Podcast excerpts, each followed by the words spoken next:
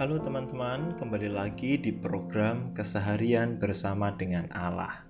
Di dalam segmen yang kedua ini, kita akan merenungkan satu tema mengenai anugerah yang dipandang hina di dalam satu konteks dari perjalanan hidup umat Allah atau bangsa Israel pada waktu itu.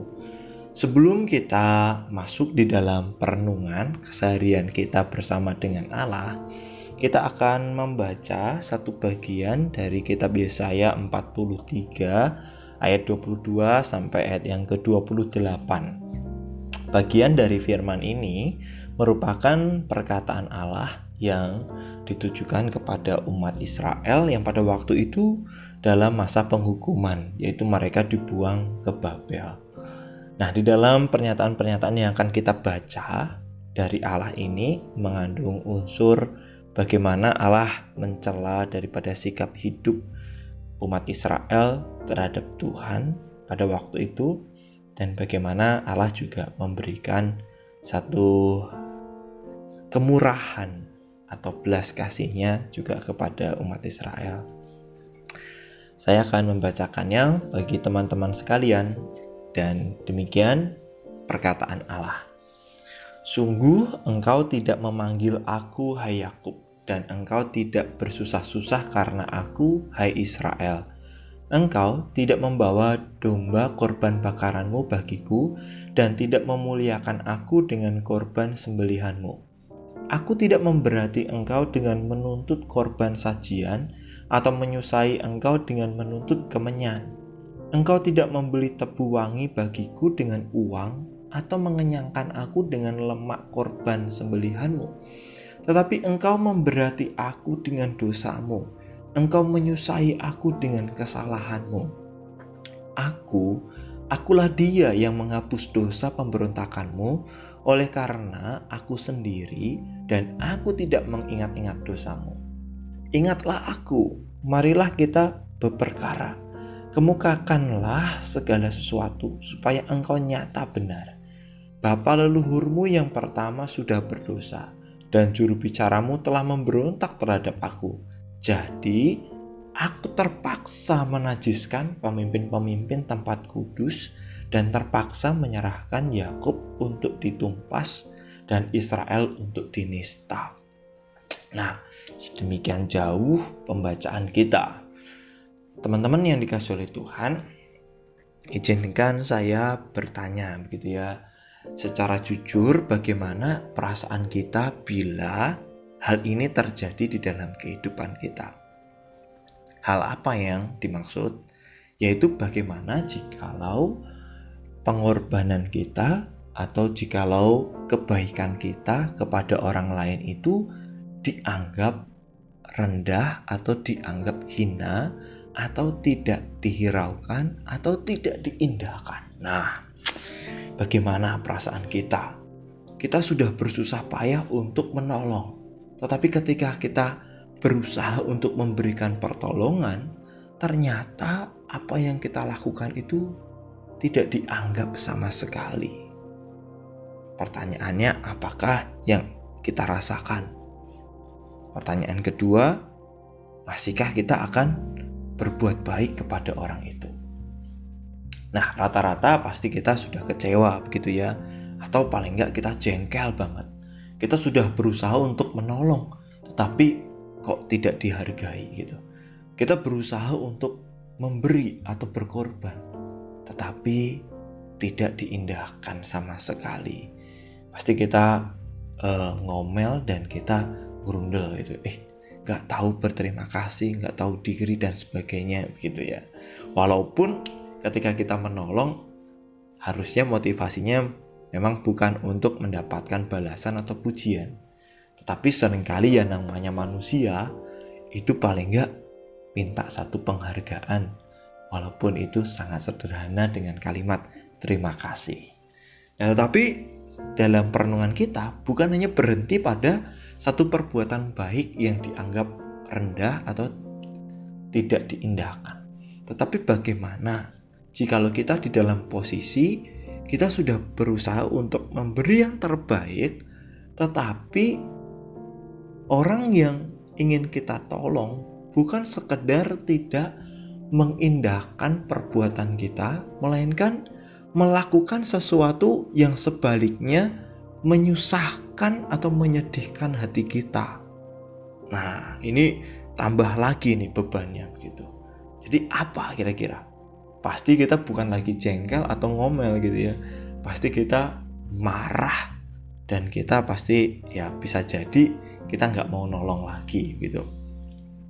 Nah pertanyaan-pertanyaan tadi merupakan satu ilustrasi sebenarnya yang terjadi di dalam kehidupan umat Israel e, bersama dengan Tuhan. Tuhan itu kalau ditanya kurang apa sih bagi umat Israel gitu ya. Mereka kan dari mulanya adalah budak. Mereka dari mulanya tidak memiliki kebebasan. Mereka hidup dalam ketidakadilan diperbudak oleh bangsa lain. Tetapi oleh karena belas kasih Allah dan teriakan-teriakan mereka yang pedih karena ketidakadilan yang mereka terima, maka Allah memberikan kebebasan, kelepasan, mengutus hamba-hambanya untuk membawa mereka keluar dari tanah Mesir dan menjadi milik pusaka Allah dan diberikanlah tanah Kanaan. Tetapi seharusnya hidup yang menghargai kebebasan itulah yang ditunjukkan oleh bangsa Israel ketika mereka hidup sebagai milik pusaka Allah. Tetapi di sini kita membaca satu nada kekecewaan dari hati Tuhan. Bagaimana umat Israel ini hidup. Tuhan ketika membawa mereka bebas dari perbudakan dan ketika Tuhan memberikan satu kehidupan yang penuh dengan kelimpahan. Tuhan secara jujur mengatakan bahwa Tuhan tidak memiliki niat untuk membuat hidup mereka semakin susah dengan beban-beban persembahan-persembahan atau dengan beban-beban daripada ibadah ibadah-ibadah yang harus mereka penuhi. Sama sekali, yang Tuhan inginkan adalah terjadinya satu perubahan hidup, terjadinya satu titik balik dari hati mereka yang awalnya tidak mengenal sebagai uh, Allah yang sebagai Allah satu-satunya yang benar itu menjadi Allah mereka sendiri yang membawa pada keselamatan. Tetapi di dalam bagian ini Allah mengatakan bahwa engkau tidak memanggil aku itu. Waduh. Ini memanggil itu kan biasanya itu ada satu ketertarikan gitu ya atau satu maksud gitu sehingga kita memanggil orang lain. Tapi di sini dikatakan engkau tidak memanggil aku, hai aku gitu. Terus di dalam bahasa Inggrisnya tetapi kamu menjadi letih atau menjadi bosan karena aku, hai Israel. Nggak ngelakuin apa-apa kepada Tuhan, tetapi mereka mengalami kebosanan, keletihan terhadap Tuhan. Wah, sangat ironi gitu ya.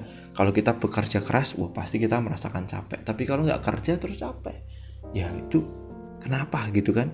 Sakit-sakitan atau kenapa gitu. Nah pasti ada yang nggak beres.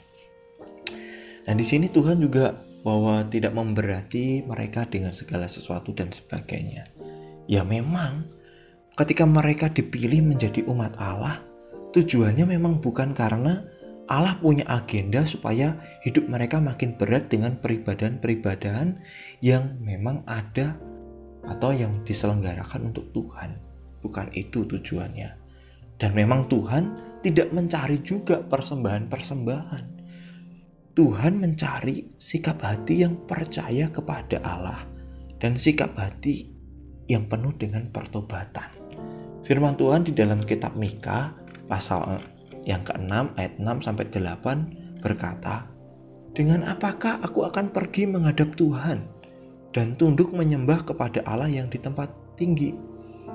Akan pergikah aku menghadap Dia dengan korban bakaran dengan anak lembu berumur setahun? Hmm, berkenankah Tuhan kepada ribuan domba jantan? Kepada puluhan ribu curahan minyak? Akan ku persembahkan anak sulungku karena pelanggaranku dan buah kandunganku karena dosaku sendiri? Bukan. Ayat 8 mengatakan, Hai manusia, telah diberitahukan kepadamu apa yang baik dan apakah yang dituntut Tuhan daripadamu selain berlaku adil, mencintai kesetiaan, dan hidup dengan rendah hati di hadapan Allahmu.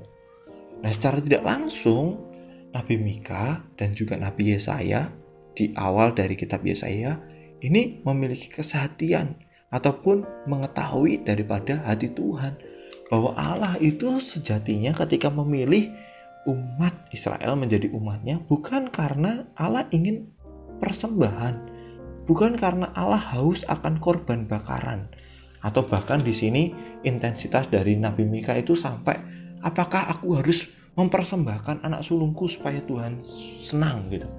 Enggak juga gitu. Ini berlawanan dengan Allah-Allah yang beredar pada waktu itu. Mereka sebagai uh, warga asli dari Kanaan pada waktu itu yang awalnya sebelum dimusnahkan mereka mempersembahkan anak mereka kepada dewa-dewa. Tapi Nabi Mika memberitahu dan Nabi Yesaya juga memberitahu di awal dari kitab Yesaya ini bahwa yang dicari Allah di dalam umatnya bukanlah persembahan entah itu berupa lemak, hewan, minyak, gandum atau bahkan anak keturunan kita sendiri. Bukan. Allah kita bukan Allah yang ganas itu. Tetapi Allah justru memilih mereka dengan satu proyeksi keselamatan bagi semua bangsa ke depannya. Dan Allah mencari hati yang percaya. Nah, Allah sudah memberikan segalanya kepada bangsa Israel. Dan Allah juga turut berperang di dalam sejarah kita tahu bahwa kemenangan-kemenangan yang didapatkan oleh bangsa Israel itu penuh dengan musisat. Tetapi di sini Allah mengungkapkan kekecewaannya. Anugerah-anugerah yang sudah Tuhan berikan bagi mereka sebagai bangsa umat pilihan Allah justru diresponi di ayat 24 dengan dosa-dosa dan dengan kesalahan-kesalahan umat Israel. Mereka tidak memandang hidup mereka saat itu adalah sebagai anugerah, sebagai kesempatan yang telah Tuhan berikan. Harusnya kebebasan atau kemerdekaan itu dipergunakan untuk mempermuliakan Allah sebagai pribadi yang telah membawa kebebasan bagi hidup mereka. Tetapi justru kemerdekaan itu dipergunakan justru tunduk di dalam kedagingan mereka. Mereka tidak memanggil Allah, mereka tidak beribadah kepada Allah, justru mereka berpaling daripada Tuhan. Nah, makanya Tuhan sangat kesal. Padahal Tuhan di ayat 25 mengatakan menghapus dosa pemberontakanmu. Gitu ya, menghapus noda-noda daripada kesalahan-kesalahanmu. Itu sudah Tuhan berikan kepada mereka. Dan Tuhan tanpa meminta imbalan apa pun gitu ya. Berbeda dengan manusia, sering kali punya agenda di saat melakukan sesuatu kepada sesamanya. Entah itu timbal balik lah, entah itu pujian lah, penghargaan dan sebagainya. Tetapi Allah tidak punya agenda apa-apa. Yang diminta oleh Allah adalah hati yang percaya. Percaya kepadanya dan hati yang penuh dengan pertobatan. Tetapi kelihatannya kesempatan yang Tuhan berikan itu tidak dipandang indah. Justru anugerah Tuhan dipandang hina oleh umat Israel. Nah, karena mereka semuanya sudah memberontak dan berbuat dosa, bukan hanya dosa dari bapak leluhurnya yaitu Yakub ataupun kalau leluhur yang paling ujung lagi Adam dan Hawa, tapi juru bicaramu di situ dikatakan di ayat 27 juga telah memberontak terhadap aku. Siapa juru bicara umat pada waktu itu? Ya imam, ya nabi, dan raja yang diurapi oleh Allah. Mereka sudah melenceng dari jalan-jalan Tuhan. Bahkan empat raja di masa hidup uh, Yesaya itu semuanya dikatakan melakukan apa yang jahat di mata Tuhan. Kalau rajanya udah jahat, pasti umatnya juga semakin tidak setia kepada Tuhan. Nah, makanya Allah ini melakukan penghukuman di dalam konteks ini kepada umat Israel, menyerahkan mereka kepada bangsa lain, tapi dengan terpaksa. Nah, ini dia. Terpaksa itu kan sebetulnya bukan maksud awal mula, jikalau dengan kata terpaksa. Seperti orang tua menghukum anaknya itu kan terpaksa. Ketika orang tua memiliki anak, tujuannya bukan untuk dihukum, bukan. Pasti untuk dibesarkan, dipintarkan menjadi anak yang pada akhirnya membanggakan hati orang tua dan menyenangkan hati Tuhannya itu. Bukan punya tujuan untuk dihukum. Begitu pula Allah ketika memilih umat menjadi milik pusakanya. Allah tidak sama sekali memiliki tujuan untuk menghukum. Tetapi karena segala dosa dan segala ke ketegaran hatinya untuk percaya dan bertobat itu tidak kunjung ditemukan. Maka di ayat 28 dikatakan aku terpaksa menajiskan pemimpin-pemimpin tempat kudus dan terpaksa menyerahkan Yakub untuk ditumpas dan Israel untuk dinista. Nah, inilah hati Tuhan. Teman-teman, Tuhan tidak pengen kita dihukum. Tuhan tidak pengen kita menerima satu buah daripada uh, keberdosaan dan kesalahan kita yang dirindukan oleh Tuhan di dalam kehidupan kita itu adalah kita hidup di dalam kelimpahannya.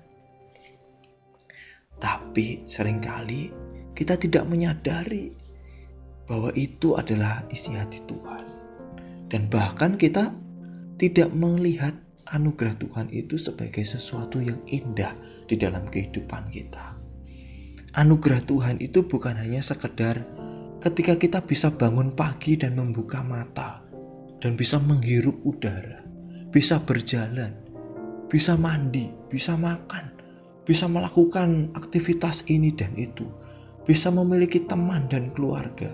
Anugerah Tuhan bukan hanya sekedar itu, tapi anugerah Tuhan yang terbesar juga sudah dinyatakan bagi setiap kita, yaitu melalui dirinya yang digantung di atas kayu salib untuk menebus manusia dari hukuman dosa.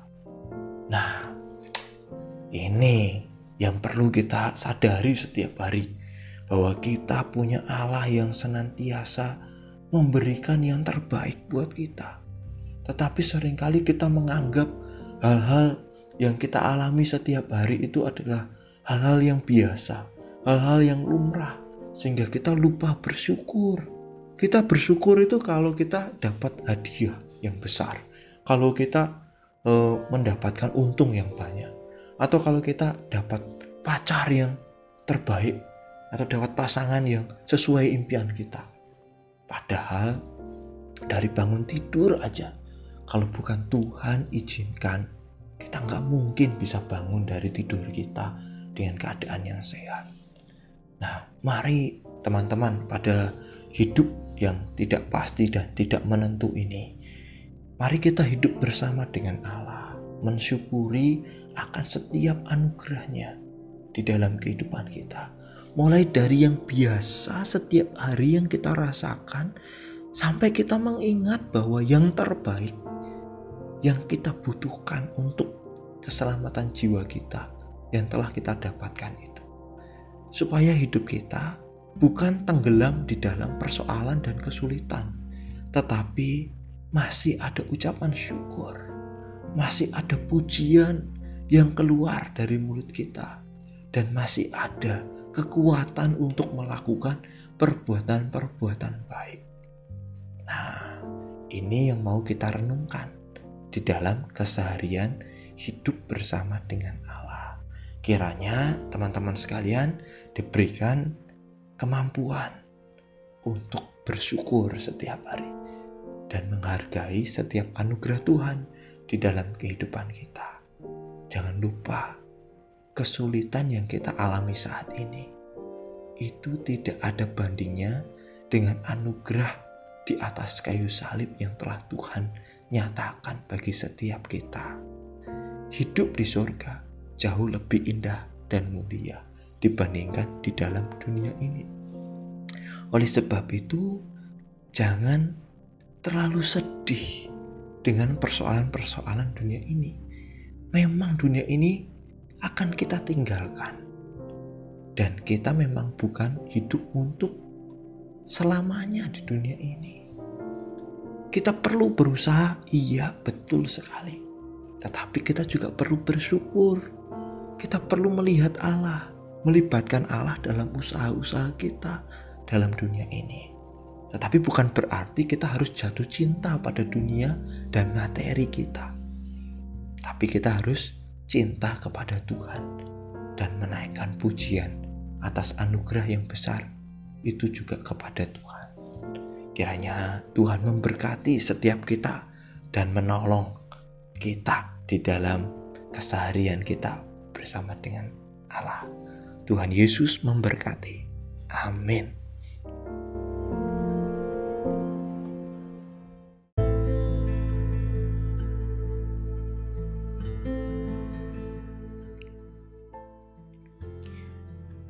Shalom teman-teman, masih di dalam program keseharian bersama dengan Allah. Pada segmen yang ketiga ini kita akan berbicara mengenai moto hidup. Ya, moto hidup itu adalah satu pernyataan gitu ya, pernyataan singkat yang menggambarkan sebuah prinsip atau tujuan daripada hidup kita. Nah, biasanya orang itu eh, membuat satu moto di dalam hidupnya untuk mendorong dia sendiri mencapai cita-cita atau impiannya di dalam kehidupannya itu. Jadi hari ini kita akan berbicara mengenai sebuah moto hidup gitu ya. Tapi di dalam kerangka kekristenan. Nah, teman-teman yang dikasih Tuhan, hari ini saya di awal dari perenungan kita saya mengutip moto hidup seorang yang bernama Will Roger. Dia memiliki moto hidup seperti ini.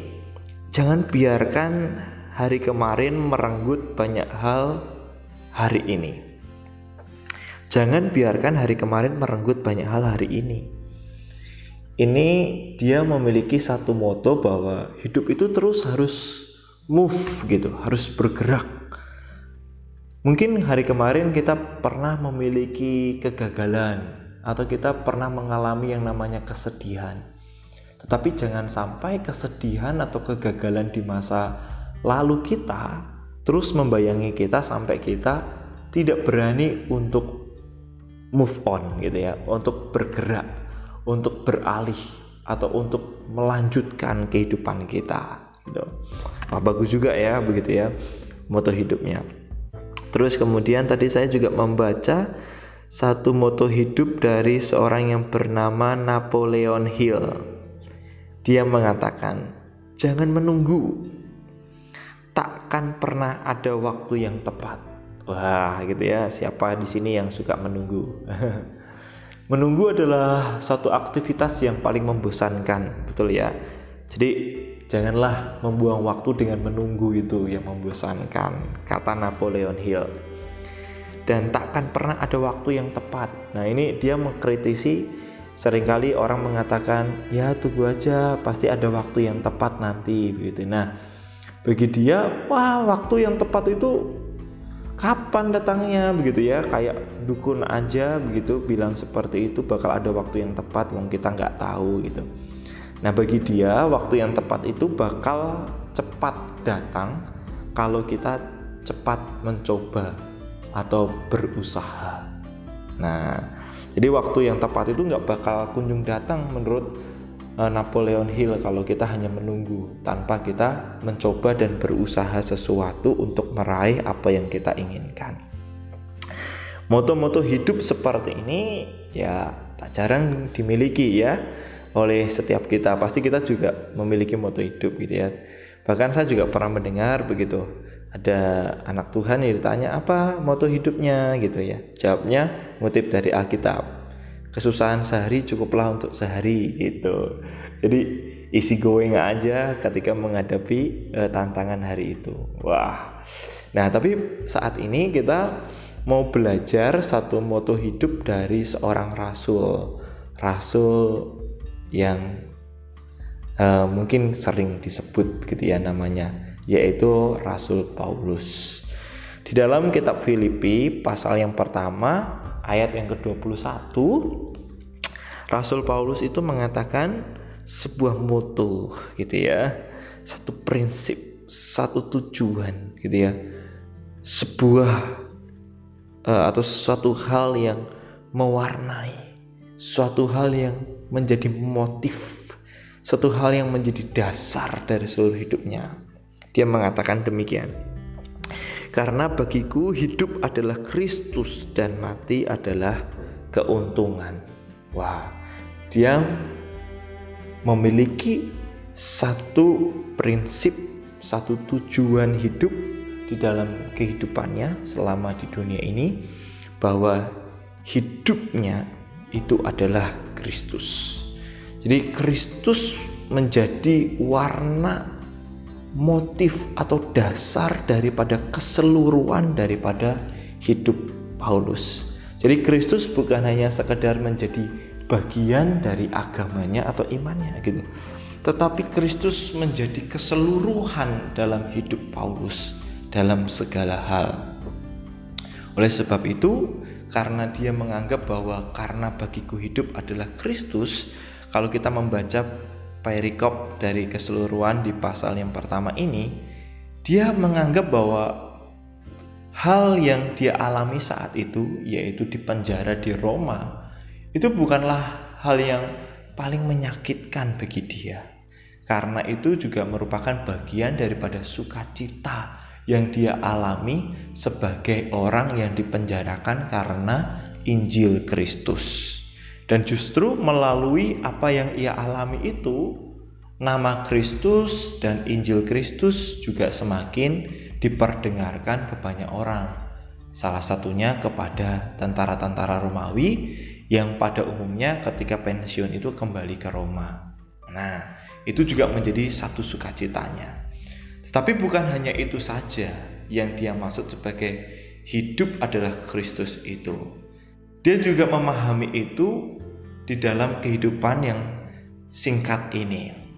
Dia mengatakan di dalam bagian yang selanjutnya, jikalau dia masih diberikan kesempatan untuk hidup, itu artinya bagi dia hidup itu adalah hidup yang memberi buah.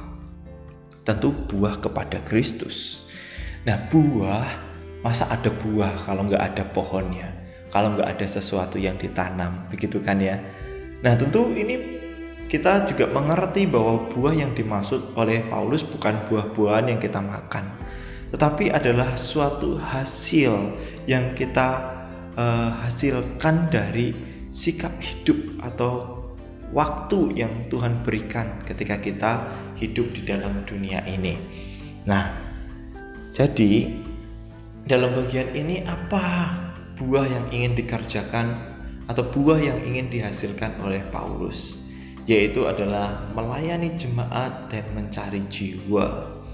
Wah, itu yang selalu uh, Paulus uh, lakukan, selalu Paulus kerjakan, sekalipun dia berada di dalam penjara.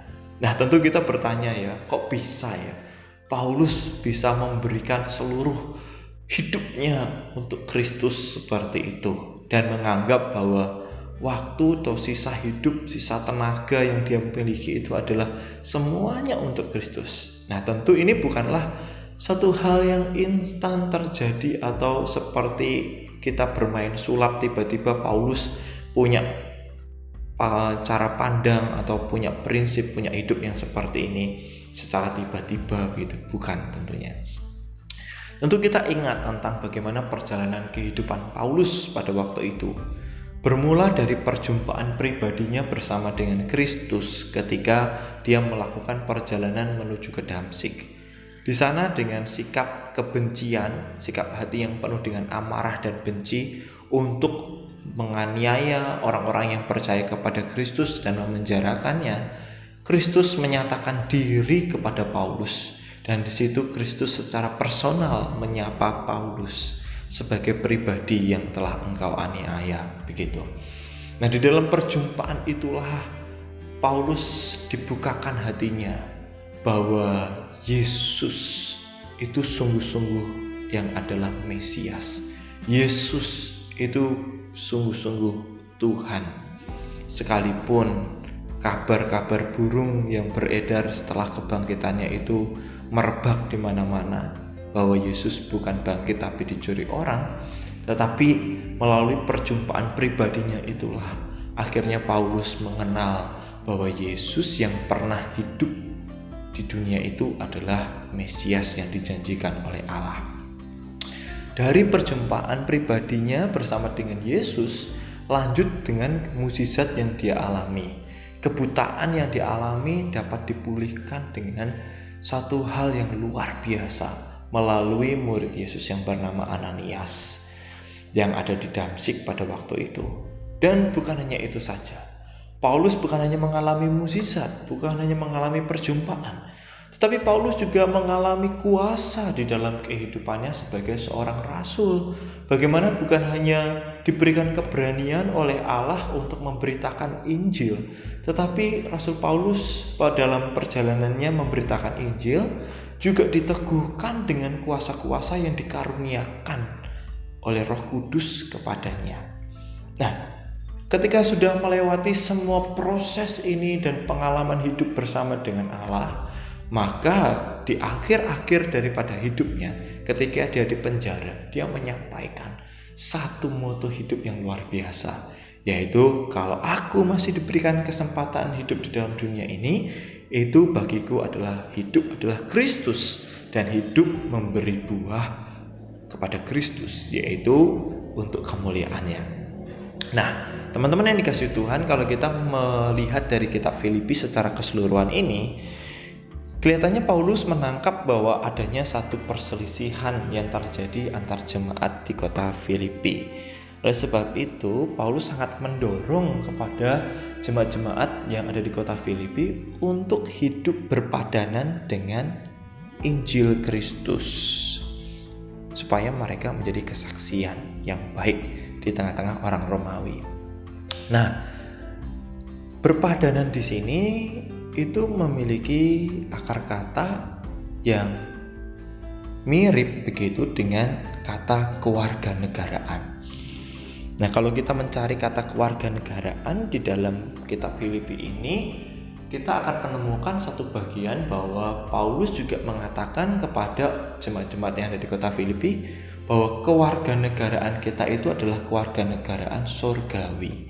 Ya, sekalipun kita uh, tinggal di Indonesia dengan suku ya kita orang Jawa atau orang Tionghoa tetapi kita punya keluarga negaraan ganda gitu ya. Jadi bukan hanya keluarga negara Indonesia atau keluarga negaraan orang Filipi pada waktu itu tetapi juga keluarga negaraan surgawi. Nah mari kita uh, berpikir sejenak gitu ya. Ketika kita sebagai warga negara Indonesia kira-kira hukum apa yang akan kita lakukan atau kita hidupi sebagai orang Indonesia? Tentu adalah hukum-hukum negara Indonesia. Tidak mungkin kita hidup di Indonesia tetapi kita menghidupi hukum-hukum negara Jepang atau negara mana China dan sebagainya. Tentu berlawanan dan tentu akan merugikan kita sendiri. Begitu pula ketika kita hidup di dalam dunia ini dan kita hidup ingin bagi Kristus dan hidup ingin memberi buah untuk kemuliaan Kristus, tentunya hidup kita juga harus seturut dengan hukum-hukum Kristus atau Injil Kristus atau hukum-hukum kerajaan Allah sebagaimana kita sebagai warga negaranya. Nah, sebagai warga negara surgawi, apakah kita boleh berselisih dengan jemaat atau dengan saudara-saudara seiman kita? Tentu itu bukanlah satu buah yang baik dari hidup kita perselisihan. Nah, di dalam uh, para, uh, pasal yang kedua, di situ Rasul Paulus mengingatkan bahwa setiap orang jangan sampai mencari kepentingannya sendiri atau menganggap dirinya itu lebih utama daripada yang lainnya. Karena ini adalah akar perselisihan gitu. Kalau coba deh kalau kita menganggap diri kita lebih penting, lebih utama daripada yang lainnya, itu dan harus kita mencari uh, kepentingan kita sendiri, puji-pujian dari kita sendiri gitu. Ya pasti kita nggak bakal uh, rukun dengan saudara-saudara kita. Nah, gimana caranya? Yaitu hendaklah kita dalam hidup bersama ini menaruh pikiran dan perasaan yang terdapat dalam Kristus. Kristus yang adalah Tuhan yang memiliki alam semesta ini tetapi tidak mencari kepentingan dirinya sendiri ketika dia datang ke dalam dunia mengambil rupa sama seperti manusia dan mati di atas kayu salib. Semuanya itu dilakukan untuk kepentingan kita, orang berdosa, supaya kita diselamatkan dari kutuk dosa, dari hukuman-hukuman dosa. Nah, jemaat-jemaat yang ada di Filipi dan juga kita yang hidup hari ini diingatkan bahwa bagi kita, jikalau kita masih diberikan kesempatan untuk hidup hari ini, itu adalah untuk memuliakan nama Tuhan dan memberi buah bagi kemuliaan Tuhan.